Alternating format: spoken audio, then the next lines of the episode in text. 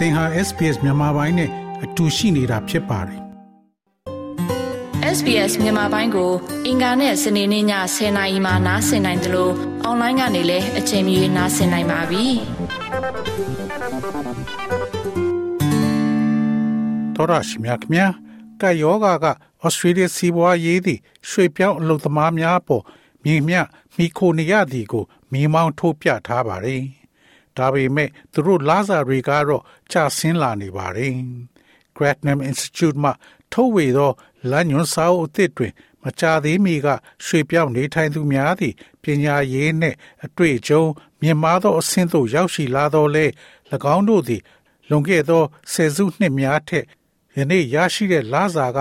ပို၍နေပါကြောင်းပြသနေပါတယ်။ပြင်သစ်နိုင်ငံမှရွှေပြောင်းနေထိုင်သူ ဘီယက်နော့လင်ဘလွန်သည်ဥပဒေမဟာပွဲဖြင့်ဩစတြေးလျသို့ရောက်ရှိလာသူဖြစ်ပါတယ်။သို့သောရခင်အလုရှင်နှင့်အတွေ့အကြုံနှင့်ပတ်သက်ပြီးဥပဒေအကြောင်းအရတစုံတရာမရှိကြောင်းသူကပြောဆိုပါတယ်။နေ့စဉ်အချိန်ပိုလောက်ရပြီးလာကမရသောနိုင်ပေါင်းရာနှစ်ချီ၍အချိန်ပိုဆင်းနေရတယ်လို့သူကဆိုပါတယ်။ဩစတြေးလျမှာဆက်လက်နေထိုင်ခွင့်သည်၎င်းအလုရှင်ရဲ့စပွန်ဆာနဲ့ဆက်ဆက်နေသဖြင့်၎ င်းမှာပိတ်မိနေသလိုခံစားရတယ်လို့ဆိုပါတယ် You're not really allowed to leave, you're not really allowed to, you know, find a job with with higher pay or better quality because because of the conditions of the visa. So um, it became very daunting and and you know started cycling into သင်ကိုအပြင်ထွက်ခွင့်မပေးဘူး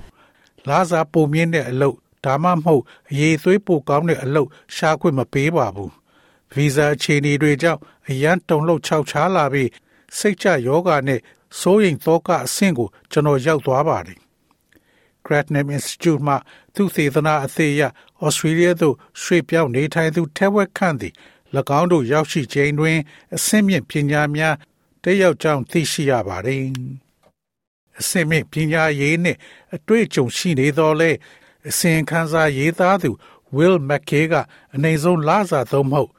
ယာယီကျွမ်းကျင်သောဝင်ငွေအဆင့်သတ်မှတ်ချက်သည်ဆယ်စုနှစ်တစ်ခုနီးပါးအတွင်းတိုးမလာသေးဘူးလို့ဆိုပါတယ်။ It has remained flat since 2013 at that 53,900 level. So we've seen more of Australia's temporary skilled migrant group come in working in relatively low wage jobs for this specific amount. Um, which has dragged down the wages from this visa that is really meant to be for for 2013ခုနှစ်ကလေးကဒေါ်လာ9300လောက်နဲ့တည်ငြိမ်နေတာကြောင့်ဩစတြေးလျရဲ့ယာယီကျွမ်းကျင်ရွှေပြောင်းအလုပ်သမားအဖွဲ့ဟာလောက်ခလာစာနေပါတဲ့အလုပ်တွေမှာအလုပ်လာလုပ်ကြတာကို တွေ့ကြရပါတယ်တကယ်ကိုအရေးချင်းမြင့်သူတွေအတွက်ရည်ရွယ်ထားတာပါ ဩစတြေးလျလှုပ်သားအင်အား9ဦးတွင်တဦးသည်အမြဲတမ်းသောမဟုတ်ယာယီဗီဇာဖြင့်ရွှေ့ပြောင်းနေထိုင်သူများဖြစ်ပါれ။အထူးသဖြင့်ဖော်ပြပြီးသောအရာတစ်ခုနှင့်ဒုတိယအရာကပုံမထိခိုက်လွယ်ပါれ။အများစုသည်အဝတ်ပြုခြင်းလုပ်ငန်းတွင်အသက်မွေးဝမ်းကြောင်းပြုကြပြီးရွှေ့ပြောင်းအလုပ်သမားများသည်ကဏ္ဍရဲ့40ရာခိုင်နှုန်းသောလုပ်သားအင်အားဖြစ်ပါれ။ Migrant Justice Institute မှ Bassina ဘာဘာဘလန်ကငွေပေးချေမှုနဲ့ပါခြင်းသည်စင်တပိုင်းဆိုင်ရာပြဿနာတစ်ခုဖြစ်တယ်လို့ပြောဆိုပါတယ် We need to create a new environment where employers feel that there is a realistic prospect that if they underpay workers or they exploit migrant workers, they will get caught and that migrant workers will come forward and they don't just expect that migrant workers will remain silent when they're လာစာနေဒါမှမဟုတ်ရွှေပြောင်းအလုပ်သမားတွေကိုခေါင်းမဖြတ်ရင် ဖန်ဆီးခံရလိမ့်မယ်ပြီးတော့ရွှေပြောင်းအလုပ်သမားတွေရှေ့ထွက်လာမယ်အဲ့ဒီရွှေပြောင်းအလုပ်သမားတွေကိုသူတို့မမျောလင့်ပဲလက်တွေ့ကြတဲ့အလားအလာရှိတယ်လို့အလုပ်ရှင်တွေကခံစားရတဲ့ပါဝင်ကျင်အသစ်ကိုဖန်တီးဖို့လိုပါတယ်သို့မဟုတ်ရင်အမျက်ထုတ်ခံရတဲ့အခါအလုပ်သမားတွေကနှုတ်ဆက်နေပါလိမ့်မယ်လက်ရှိတွင်ရွှေပြောင်းအလုပ်သမား10ဦးတွင် တဦးကသာပြဿနာကိုတိုင်ကြားရန် ရောက်ရှိလာခြင်းဖြစ်ကြောင်း၎င်းကဆက်လက်ပြောဆိုပါတယ်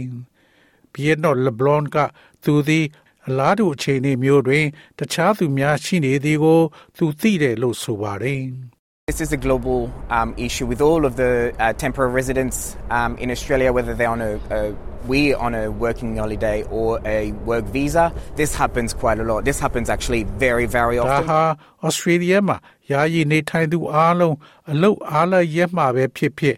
အလုတ်ဗီဇာနဲ့ပဲဖြစ်ဖြစ်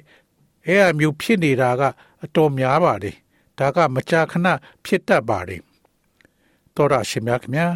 SBS သတင်းဌာနက Rachel Harrison Plessy ရဲ့ဆောင်းပါးကိုဘာသာပြန်တင်ဆက်ပေးထားတာဖြစ်ပါတယ်ခင်ဗျာ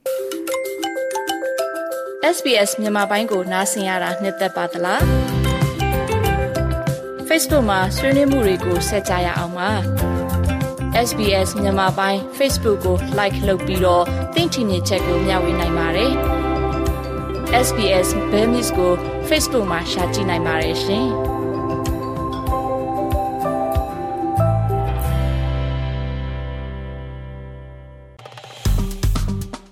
SPS မြန်မာပိုင်းကို Facebook ပေါ်မှာ like ရှာပြီး like မျှဝေမှတ်ချက်ပေးပါ